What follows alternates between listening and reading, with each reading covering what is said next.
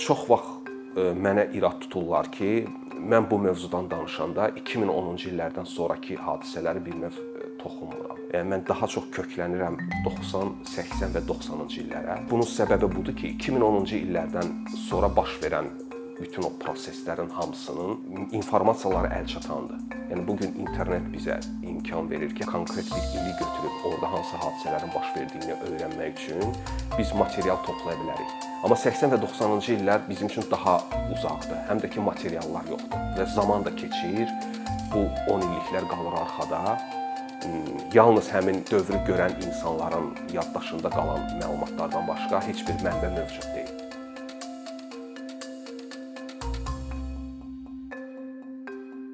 Outro Rap'in təhlili kitabı iyul ayında çap olunub, bu ilin iyulunda. Bundan əvvəl Intro Rap'in tarixi kitabı çap olunmuşdu, təxminən 4 il əvvəl 2018-ci ildə. Bir qədər ara vermişdim. Əslində fikrim yox idi bunun davamını yazmağa, amma get-gedə dünyanın əksər ölkələrində, həm də Azərbaycanda bu janr özü, həm də bununla bağlı olan elementlər çox populyarlaşmağa başladı. Ümumiyyətlə hazırda dünyanın əksər ölkələrində rep musiqisi ən populyar musiqi janrıdır. Bunu biz müxtəlif təşkilatların yaydıqları hesabatlarda, statistikalarda görə bilərik. Nümunə üçün birini deyə bilərəm. Deməli Amerikada bir şirkət var, Nielsen Holding plc. Bu şirkət marketinq və media səviyyəsini hesablayır. 2017-ci ildə onun təqdim elədiyi statistikada göstərilmişdi ki, rep musiqi janrı populyarlıq baxımından artıq 50 illik dominant mövqeyini saxlayan rock musiqisini də qabaqlayıb ötüb keçib və rep e, həmin dövr üçün 2017 2017-ci il üçün ən dünyada populyar janr hesab olunurdu və növbəti illərdə 2018-dən bu günə qədər ilbəil o hesabatlar, statistikalar göstərirdi ki, e, rep populyarlığını daha da artırır. Və xüsusilə də son illərdə də Azərbaycanda həm e, rep batıllarda çox populyarlıq qazanır. Həm bu musiqi və bundan törəyən digər janrlar çox kütləviləşir. Və xüsusilə qeyd eləmək istəyirəm ki, bu kitaba ön söz yazan Fidan Cəfərova daha çox motivasiya verdi mənə. Beləliklə də kitab çap olundu. Kitabın içindəkilərə keçməmişdən əvvəl bir zəruri qeyd var, onu bildirmək istəyirəm deməli çapdan qabaq Word formatında mən bir neçə nəfərə göndərmişdim oxuması üçün. Qeyd eləmişdilər ki, dili qəlizdir, biraz qəliz yazılıb və daha çox belə deyək ki, şikayət eləyirdilər. Şikayət ondan ibarət idi ki, çox akademik yüklənib. Eyni zamanda çap olunandan sonra kitab kitabla tanış olan bir neçə nəfər də bunu mənə dedi. Əslində müəyyən qədər bununla razılaşıram. Çünki birinci kitabda əsasən tarixi faktlar idi. Tarixin dili də nisbətən daha belə bəsit, sadə olur. Burada e, həm bir neçə elmi müstəvidə e, müqayisələr, təhlillər aparılıb, ola bilər terminologiyalara görə yaxud e, mətnin ümumi o spesifik üslubu qəlizlik görüntüsü yarada bilər, amma ümumi halda heç bir qəlizlik görmürəm. Yəni buna necəsə cavab vermək, fikir bildirmək lazım idi. Ona görə burada xüsusi qeyd elədim. Və kitabın içindəkilərə keçəndə qeyd edeyim ki, iki hissədən ibarətdir kitab. Birinci hissədə rep janrı ibarət olduğu komponentləri ayrı hissələrə bölünüb və hər bir e, komponent ayrılıqda təhlil olunub. Ümumi götürəndə rep musiqisi bir qədər mürəkkəb janrdır, çox komponentli janrdır, amma burada daha çox 3 əsas komponenti götürdüm. Beat, flow və lyrics. Beat repdə musiqi payıdır, flow söyləmə, deyiliş payıdır, lyricsdə mətn, sözlərdən ibarət bir komponentdir. Bunların hər birini musiqişünaslıq, ədəbiyyatşünaslıq və rechitativ deklamasiya üzərində təhlil etməyə cəhd eləmişəm. Digər komponentlərə də orada qismən toxunulub və bundan başqa rep musiqi janrı hip-hop submədəniyyətinin bir qoludur səs və söz komponentidir hip-hop submədəniyyətinin.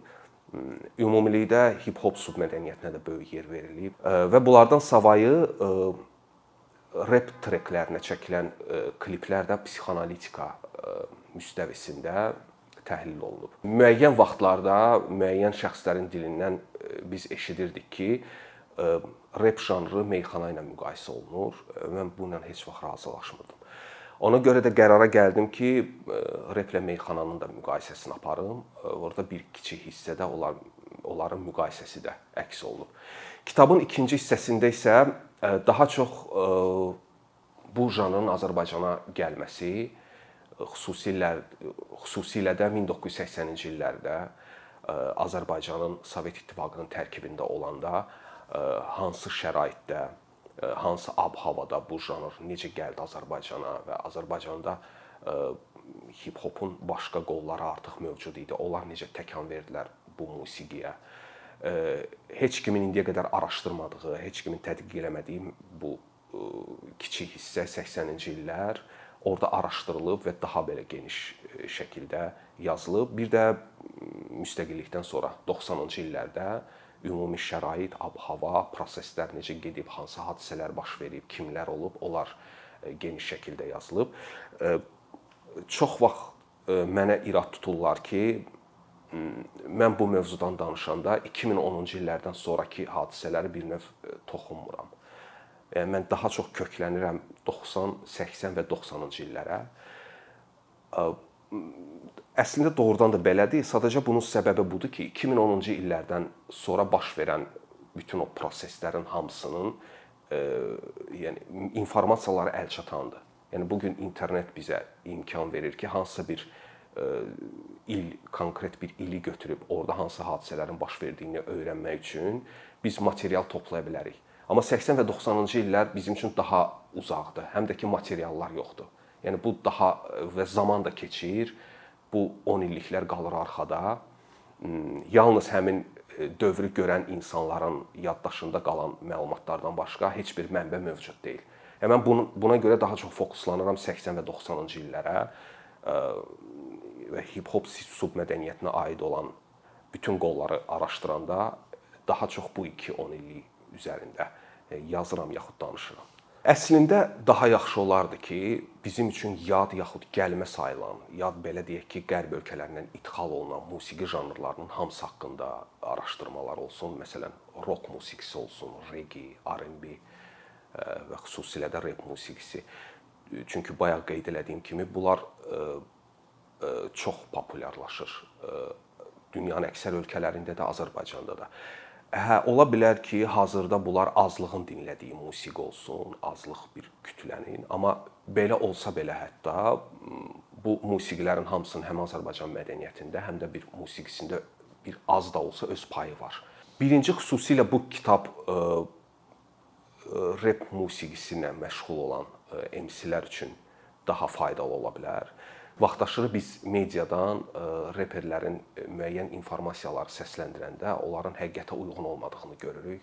Məsələn, bunu nümunə çəkmək olar ki, e, indiyə qədər də rep musiqisinin yaranandan etiraz motivli olduğunu əsas gətirirlər ki, rep birbaşa etirazdan yaranıb, amma halbuki etiraz növbəti 10 illiklərdə başlayıb.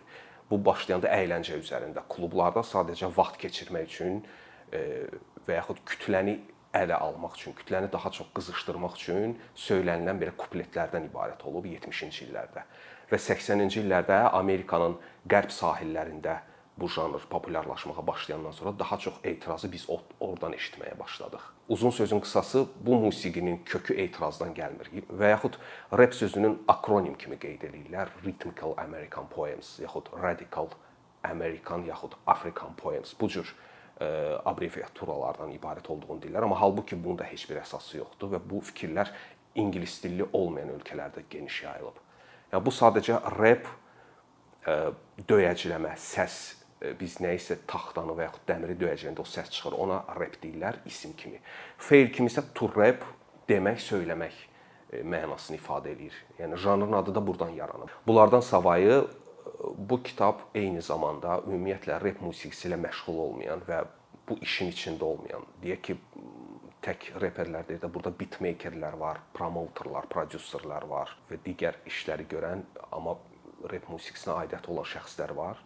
Onlardan olmayan, ümumiyyətlə bu mühitə heç bir aidiyyəti olmayan şəxslərin də ə, oxumağında fayda var. Çünki burada ə, deyək ki, ədəbiyyatla maraqlanan insanlar üçün maraqlı ola bilər ki, o oxuyub orada baxıb müqayisələrlə tanış ola bilərlər və yaxud özləri də müqayisə edə bilərlər ki, çap ədəbiyyatı ilə rep musiqilərinə yazılan mətnlər arasında hansı uyğunluqlar var və yaxud fərqliliklər var yaxud musiqi ilə ümumiyyətlə məşğul olan insanlar üçün maraqlı ola bilər. Yaxud Azərbaycanda ümumiyyətlə 80-90-cı illərdə gənclərin harda əyləndikləri və xüsusilə də Sovet imperiyasının mövcud olduğu son 10 illiklərdə 1980-ci illərdə Azərbaycan Azərbaycanlı yeniyetmələrin, gənclərin necə əyləndikləri, onların hansı submədəniyyətlərə meyl elədikləri, qeyri-formal təşkilatların hansı şəraitdə fəaliyyət göstərdikləri ilə tanış ola bilərlər.